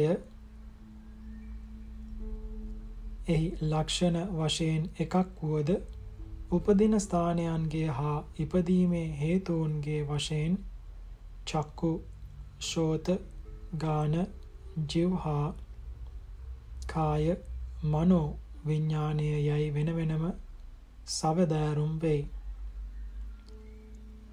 අභිධර්මයේ හැටියට සිත හා උපදින චෛතසික ධර්ම කොටසක් ඇතත් මෙහිදී ඒවා ගැන විභාගයක් කරන්නට නොයා යුතුය. විදර්ශනා කිරීමේදී චෛතසික ධර්මද විඥාන ධාතුවටම එකතු කොට චෛතසිකත් සමග සිත විඥාන ධාතුව හැටියට සැලකිය යුතුය. චක්කු විඥාණය කැඩපත ඉදිරියේ තිබෙන වස්තුන්ගේ ඡායා ඒ හැටියටම කැඩපත තුල පහළවන්නාක් මෙන් චක්කු ප්‍රසාදයේයි කියන ලද ඇසෙහි වූ ඔපය ඉදිරියේ තිබෙන වස්තුන්ගේ ඡායාවෝද ඒ ඔපය තුල පහළ වෙති. එය චක්කු ප්‍රසාදයන්ගේ හා රූප ඡායාවන්ගේ එකට හැපීමකි. ගිනි පෙට්ටිය හා ගිනි කූර එකට හැපුණු කලෙහි ගිනි පෙට්ටියේ හෝ ගිනි කූරෙහි පෙර නොපැවති ගින්නක් පහළවන්නාක් මෙන්ද බෙරය හා අත එකට හැපුණු කලෙහි බෙරෙහි හෝ අතෙහි පෙර නොතිබූ හඬක් පහළවන්නාක් මෙන්ද චක්කු ප්‍රසාද රූප ඡායා දෙදෙනාගේ ගැටීමෙන් ගැටුණු වස්තුව පිළිබඳ දැනුමක් පහළ වෙයි. එය සිතකි. චක්කු ප්‍රසාදයේ උපන් බැවින් ඒ සිතට චක්කු විඥානයයි නම් කර තිබේ. පෙනීම දැකීමයයි නම් කියනු ලබන්නේද ඒ විඥානයාගේ ඉපදීමටය. විඥානය නිරුද්ධ වූ කල්හි පෙනෙනුයේ යයිද දුටුවේ යයිද කියති. චක්කු විඥානය පහළ වූ නිසා දුටුවේ යයිද බැලුවේ යයිද කියතත් බැලීම කරන ආත්මයක් හෙවත් පුද්ගලයෙක් අභ්‍යන්තරයෙහි නැත. බැලීමේ ශක්තියක් ඇති ආත්මයක් ශරීර අභ්‍යන්තරයෙහි ඇතිනම් චක්කු ප්‍රසාදය රූප ඡායා යන දෙදෙනාගේ ගැටීමක් නැතිවද බැලිය හැකි විය යුතුය. එසේම නොබලනු කැමැති කලෙහි චක්කු ප්‍රසාදයේහි රූප ඡායාව ගැටුනේද නොබලා සිටිය හැකි විය යුතුය. මේ දෙකම සිදුවනුයේ කිසිවෙකුගේ කැමැත්තකට හෝ අකමැත්තකට අනුව නොවන බැවින් අභ්‍යන්තරයේහි චක්කු විඥාණයෙන් අඤ්‍ය ආත්ම සංඛ්‍යාත සත්වයෙකු හෝ පුද්ගලයෙකු හෝ නොමැති බව දත යුතුය. මම දකිමි මම දුටුවෙමි යයි මිනිසයන් විඥානයක් හැටියට නොව තමා හැටියට සලකන්නේ එය වර්ධවා තේරුම් ගැනීමෙනි. හේතුන්ගේ සංයෝගය ඇති වුවහොත් මිස හේතුන්ගේ සංයෝගයක් නැතිව ඉපදිය හැකි ශක්තියක් චක්කු විඥාණයටද නැත. ගසා අත ඔසවනු සමගම ගැසීමේ හේතුවෙන් ඇතිවුණු බෙරහඬ නැති වී යන්නාක් මෙන් උපන් චක්කු විඥාණයද මොහතකදු නොපැවති නිරුද්ධ වෙයි. නිරුද්ධ නොවි පැවතිය හැකි බලයක් චක්කු විඥාණයට නැත. චක්කු විඥානයක් ඉපදවීමටත් උපන් චක්කු විඥානයක් නිරුද්ධ වන්නට නොදී පැවැත්වීමටත් බලයක් ඇති මනුෂ්‍ය වූ හෝ දෙවි වූ හෝ කිසිවෙක් නැත ශෝත විඥානය අපේ ඇස්වලට පෙනෙන වස්තුූගේ කුඩා මහත්කම් ආදී ආකාර සටහන් ඇතිවාක් මෙන්ම කන්වලට ඇසෙනා ශබ්දයන්ගේද කුඩා මහත්කම් ආදී ආකාර සටහන් ඇත්තේය. නමුත් ඒවා ඇසට පෙනෙන ආකාර සටහන් නොවෙයි. කැඩපත් ආදියේ උපයට වැටෙන ඡායාවක් රූපයනට ඇතුවාක් මෙන් ඇසට නොපෙනෙන චක්කු ප්‍රසාදයේ නොගැටෙන ශෝත ප්‍රසාදයේ පමණක් ගැටෙන එක්තරා ඡායා ස්වභාවයක් ශබ්දයන්ට ඇත්තේය. ඒ ශබ්ද ඡායාව කාවැදීමට ගැටීමට සුදුසු උපය වූ සෝත ප්‍රසාදේහි ශබ්ද ඡායාව ගැටෙන්නේය. එය ගැටුණු කලෙහි රූපය ගැටීමෙන් චක්කු ප්‍රසාදේහි චක්කු විඥානය උපදින්නාක් මෙන් ශෝත ප්‍රසාදේහි ඒ ශබ්දය පිළිබඳ දැනුමක් ඇති වෙයි. එයට ශෝත ප්‍රසාදය ඇසුරු කොට උපන් බැවින් ශෝත විඥානයයි කියනු ලැබේ.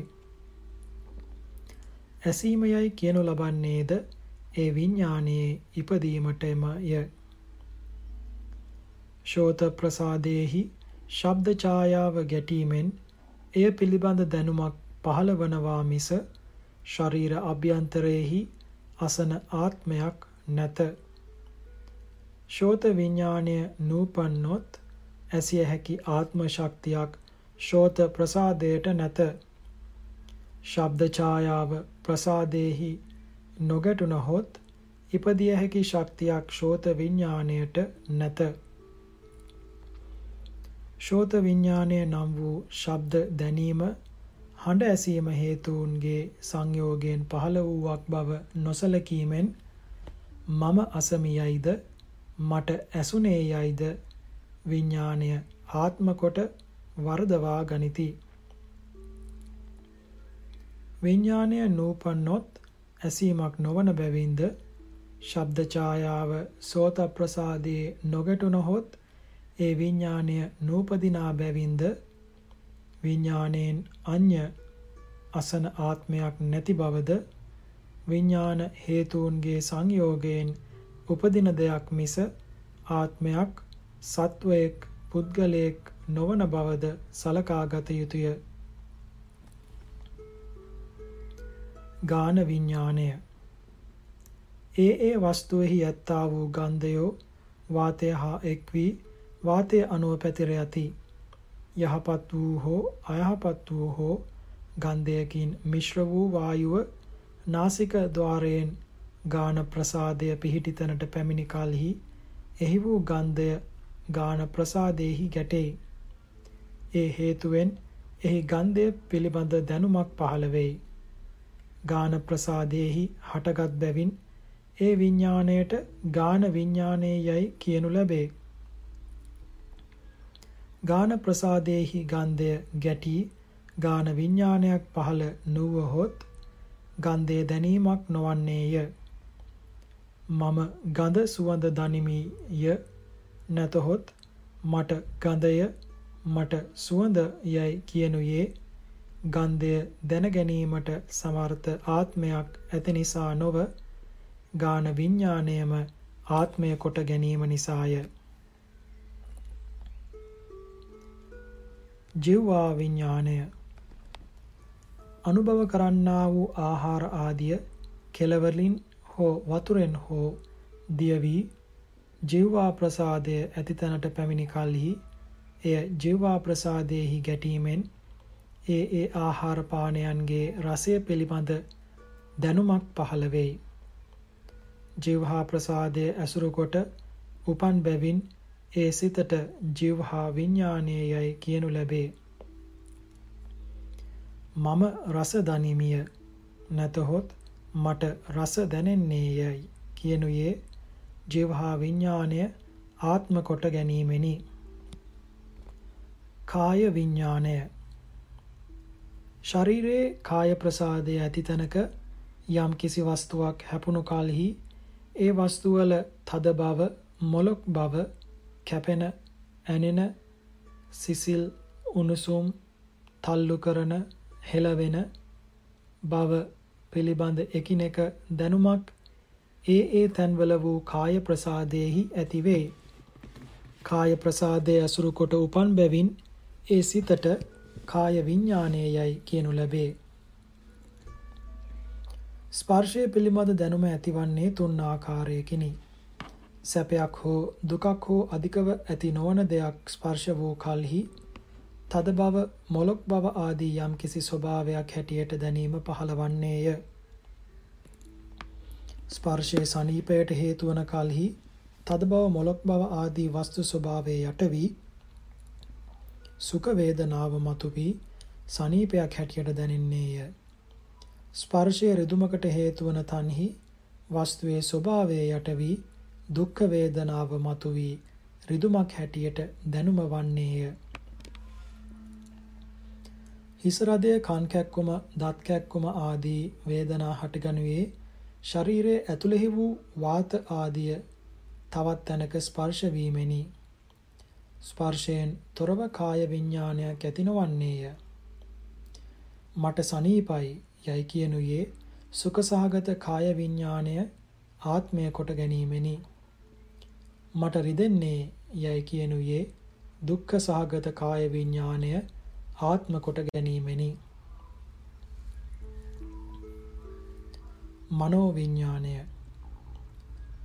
චක්කු ප්‍රසාදය ආදී ප්‍රසාද නිසාද රූප පහ නිසාද උපදිනා වූ චක්කු විඥාන ආදී හිත් පසින් අඤ්‍ය සියලුම චිත්තයෝ මනෝ විඥාන නම් වෙති.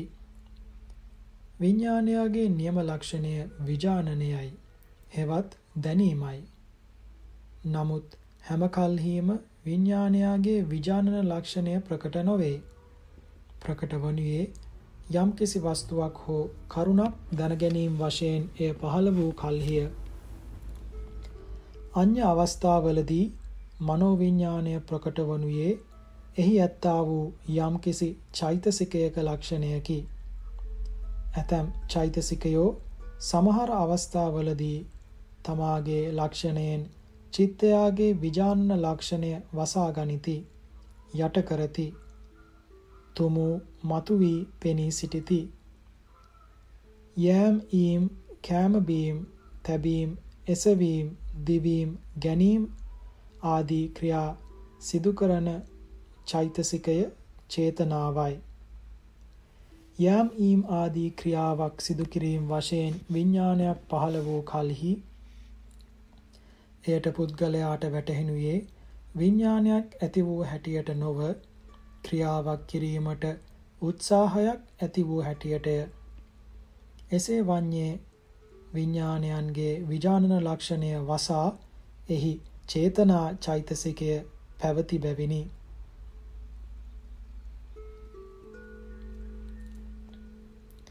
යම් කිසි කරුණක් ගැන බලවත් ප්‍රීතියක් සමග විඥානයක් පහළ වුවහොත් ඒ අවස්ථාවේදී පුද්ගලයාට වැටහෙන්නේ විඥානයක් පහළ වූ හැටියට නොව ප්‍රීතියක් ඇති වූ හැටියටය. එසේ වනුයේ උත්සන්න වූ ප්‍රීති ලක්ෂණයෙන් විඥාන ලක්ෂණය වැසුණු බැවිනි. බලවත් ලෝභයෙන් යුක්ත වූ විඥානයක් පහළ වුවහොත් සත්වයාට වැටහෙනුයේ විඥානයක් ඇති වූ හැටියට නොව ලෝභයක් ඇති වූ හැටියටය. එසේ වනුයේ ලෝභයාගේ ලක්ෂණයෙන් විඥාණය වැසුණු බැවිනි. මෙසේ විඥාන ලක්ෂණය වසන්නා වූ යට කරන්නා වූ චෛතසික බොහෝ ගණනකි. පිහිටීමට වස්තුවක් නොමැතිව වර්ණයක් ඇති නොවන්නාක් මෙන් විඥානයක් නොමැතිව කිසි කලෙක චෛතසිකයන් නූපදන්නේය. චෛතසිකයාගේ ලක්ෂණයෙන් විඥානය වැසීම යටවීම වර්ණයෙන් පිහිටි වස්තු වැසී යාමසේ සැලකිය යුතුය. යම් කිසි චෛතසික ලක්ෂණයක් වැටහෙතොත් ඒ හැමතැනම විඥානයේ ඇති බව දත යුතුය.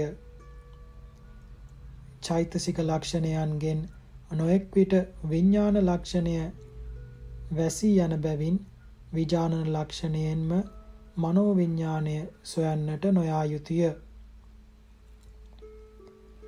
පංච විඤ්ඤාණයන්ගෙන් අන්‍ය වූ දැනීම් සියල්ලද ක්‍රියා කිරීම ක්‍රියා කිරීමේ උත්සාහයද සැපය දුකය ඕනෑකම ආදරය ක්‍රෝධය ශෝකය පිළිකුල බය ඉරිෂියාව සැක ශ්‍රද්ධාව ලැජ්ජාව මෛත්‍රිය කරුණාවය ආදී වශයෙන් සත්ව సంతානයේ ඇතිවන්නා වූ සියලුම ස්වභාවයන් මනෝ විඥාන බව දත යුතුය.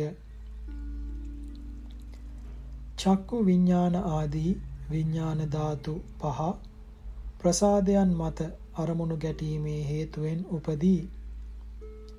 මනෝ විඥානයන් බොහෝසෙයින් උපදිනුයේ චක්කු විඤ්ඥාන ආදී විඤ්ඥාන පහෙහි ඉපදීම හේතු කොටය. රූපචායාවක් චක්කු ප්‍රසාදයෙහි ගැටනු කල්හි ඒ හේතුවෙන් ප්‍රථමකොට චක්කු විඤ්ඥානය පහළවීමක් දර්ශනය වේ. ඉක්බිති දක්නාලද දෙය හොඳ නම් ඒ නිසා එය හොඳය කියා ලෝභ සහගත මනෝවිඤ්ඥානයක් පහළවෙයි. නැවත තමාටත් එය ඕනෑ කියා මනෝවිඤ්ඥානයක් පහළ වේ. ඉක්බිති එය ලැබීමේ උපාය දන්නා මනෝවිඤ්ඥානයෝ පහළ වෙති. ඉක්බිති ඒ උපාය අනුව ක්‍රියා සිදු කරන මනෝවිඤ්ඥානයෝ පහළ වෙති. ඉක්බිති ලබාගත් දේ ආරක්ෂා කරන මනෝවිඤ්ඤාණයෝ පහළ වෙති. මෙසේ එක් දර්ශනයක් නිසා මනෝවිඤ්ඤාණ පරම්පරාවක්ම ඇති වෙයි. චක්කු විඤ්ඤාණයෙන් දක්නා ලද දෙය භයානක දෙයක් වී නම් ඒ දර්ශනයෙන් පසු දැක ද්වේෂ සහගත මනෝවිඤ්ඤාණයක් පහළ වෙයි. ඉක්බිති එයින් ඇතිවන එයින් බැහැරට යන එතනින් පලා යන මනෝවිඤ්ඤාණයෝ පහළ වෙති. ශෝත විඤ්ඤාණ ආදී ඉතිරි විඤ්ඤාණයන් අනුවද මෙසේ මනෝවිඤ්ඤාණ පරම්පරා ඊතා දිගට පහළ වෙති. මෙසේ පහළවන්නා වූ ඒ විඤ්ඤාණ පරම්පරාවල් ඇති කරවන ඒවාට අධිපති වූ සත්වයෙක් පුද්ගලයෙක් නම් නැත. කිසිවෙකුගේ උත්සාහයක් මෙහෙයවීමක් නොමැතිව චක්කු ප්‍රසාද රූප දෙදෙනාගේ ගැටීමේ හේතුවෙන් චක්කු විඤ්ඥානම පහළවන්නාක් මෙන්ම චක්කු විඤ්ඥානය හා දක්වන ලද ආරම්මණයේ හේතුවෙන් දක්නාලද දෙයට ඇලුම් කරන්නා වූ හෝ විරුද්ධ වන්නා වූ හෝ විඤ්ඥානයෝද ඒවායේ හේතුවෙන් හොඳ අරමුණු සොයන්නා වූද භයානක අරමුණු කෙරෙන් පලා යන්නා වූද පිළිකුල් අරමුණු කෙරෙන් මොහොන ඉවතට ගන්නා වූද විඤ්ඥානයෝ පහළ වෙති. ඒවායේ නියම තත්ත්වය වටහාගත නොහැකි පුද්ගලයෝ මම දකිමි මම ආලය කරමි මම සොයමි මම වැඩ කරමි මම බියවෙමි මම පිළිකුල් කරමි මම කල්පනා කරමි මම ප්‍රීතිවෙමි සෝකවෙමි මම දන් දෙමි මම සිල් රකිමි යනාදීන් ඒ ඒ ආකාරයෙන් ඒ ඒ හේතුන්ගෙන් ඇති වූ විඤ්ඥානයන් ආත්මය කොට හෝ ආත්මයට අයත් කොට හෝ වර්ධවා පිළිගනිති. ඒ වැරදි හැඟීම් දුරු කරන තෙක් උපදවන කර්තෘ කෙනෙකු නැතිව විඤ්ඥාන පරම්පරා හේතුවන්ගේ සංයෝගයෙන් ඇතිවන සැටි නැවත නැවතත් කල්පනා කරනු ගුරුන්ගෙන් විමසනු දතුවන් හා සාකච්ඡා කරනු එසේ කොට විඤ්ඥාන ධාතුූන්ගේ හැටි දැනගත් පසු ඒ දැනුම දියුණු වනු පිණිස තහවුරු වනු පිණිස මතු දැක්වෙන පරිදි විඤ්ඥාන ධාතුව පිළිබඳ භාවනාව කලක් කරනු. විඤ්ඥාන ධාතුව පිළිබඳ භාවනා ක්‍රමය එක උපදවන පුද්ගලයකුද නොමැතිව තමාගේද ඉපදීමේ උත්සාහයක් නැතිව චක්කු ප්‍රසාදයෙහි රූපචායා හැපීම නිසා චක්කු විඤ්ඥානය උපදී. ඒ චක්කු විඤ්ඥානය තමා චක්කු ප්‍රසාදයෙහි උපන් බව හෝ රූප දක්නා බව හෝ නොදනී. එබැවින් එය සත්ව පුද්ගල ආත්ම ස්වභාවයක් නැති විඤ්ඥාන ධාතු මාත්‍රයකි. දෙක. උපදවන පුද්ගලයකුද නොමැතිව තමාගේද ඉපදීමේ උත්සාහයක් නැතිව ශෝත ප්‍රසාදයෙහි ශබ්ද හැපීම නිසා ශෝත විඤ්ඥානය උපදී. ඒ ශෝත විඤ්ඥානය මා ශෝත ප්‍රසාදයෙහි උපන් බව හෝ හඬ අසන බව හෝ ඇසූ හඬෙහි තේරුම හෝ නොදන්නේය. එබැවින් එය සත්ව පුද්ගල ආත්ම ස්වභාවයක් නැති විඤ්ඥාන ධාතු මාත්‍රයකි. තුන. උපදවන පුද්ගලයකුද නොමැතිව තමාගේද ඉපදීමේ උත්සාහයක් නැතිව ගාන ප්‍රසාදයෙහි ගන්දය හැපීම නිසා ගාන විඤ්ඥානය උපදී. ඒ ගාන විඤ්ඥානය තමා ගාන ප්‍රසාදයෙහි උපන් බව හෝ ගන්දය දන්නා බව හෝ නොදනී. එබැවින් එය සත්ව පුද්ගල ආත්ම ස්වභාවයක් නැති විඤ්ඥාන ධාතු මාත්‍රයකි. අතර උපදවන පුද්ගලයකුද නොමැතිව තමාගේද ඉපදීමේ උත්සාහයක් නොමැතිව ජිවහා ප්‍රසාදයෙහි රසය ගැටීම නිසා ජිවහා විඤ්ඥානය උපදී ජිවහා විඤ්ඥානය තමා ජීවහා ප්‍රසාදයෙහි උපන් බව හෝ රස දන්නා බව හෝ නොදනී. එබැවින් එය සත්ව පුද්ගල ආත්ම ස්වභාවයක් නැති විඤ්ඥාන ධාතු මාත්‍රයකි. පහ. උපදවන පුද්ගලයකු නොමැතිව තමාගේද ඉපදීමක් උත්සාහයක් නොමැතිව. කාය ප්‍රසාදයෙහි වස්තුූන් හැපීම නිසා කාය විඤ්ඥානය උපදී. ඒ කාය විඤ්ඥානය තමා කාය ප්‍රසාදයෙහි උපන් බව හෝ ස්පර්ශය දන්නා බව හෝ නොදනී. එබැවින් එය සත්ව පුද්ගල ආත්ම ස්වභාවයක් නැති විඤ්ඥාන ධාතු මාත්‍රයකි. හය. උපදවන පුද්ගලයකුද නොමැතිව තමාගේද ඉපදීමේ උත්සාහයක් නොමැතිව. මනෝද්වාරයාගේ හා ආරම්මණයන්ගේ හා එක්වීම නිසා මනෝවිඤ්ඥානය උපදී. ඒ මනෝවිඤ්ඥානය සත්ව පුද්ගල ආත්ම ස්වභාවයක් ඇති විඤ්ඥාන ධාතෘ ධාතු මාත්‍රයකි. මනෝවිඤ්ඥානය පිළිබඳ භාවනාව තවත් විස්තර වශයෙන් කරතොත් වඩා හොඳය. යෝගාවචරයන්ට අපහසු වේදෝයිහි මෙනෙහි කොට මෙහි කොටින් කෙටියෙන් කියන ලදී.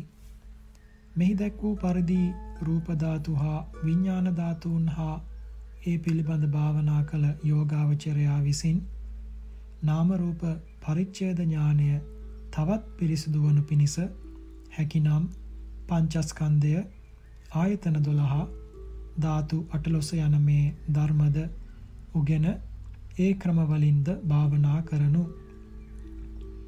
එසේ කළහොත් නාමරූප පරිච්ඡේද ඥානය වඩාත් පිරිසිදු වනු ඇත.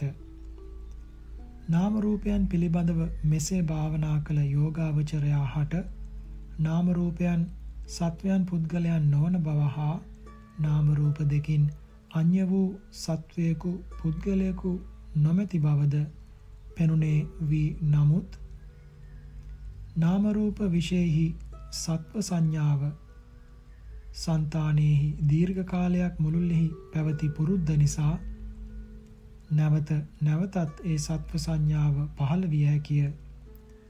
එබැවින් ඒ සත්ව සංඥාව ආත්ම සංඥාව තවදුරටත් දුබල කරනු පිණිස මතු දක්වන වගන්ති පාඩම් කරගෙන මෙනෙහි කරනු.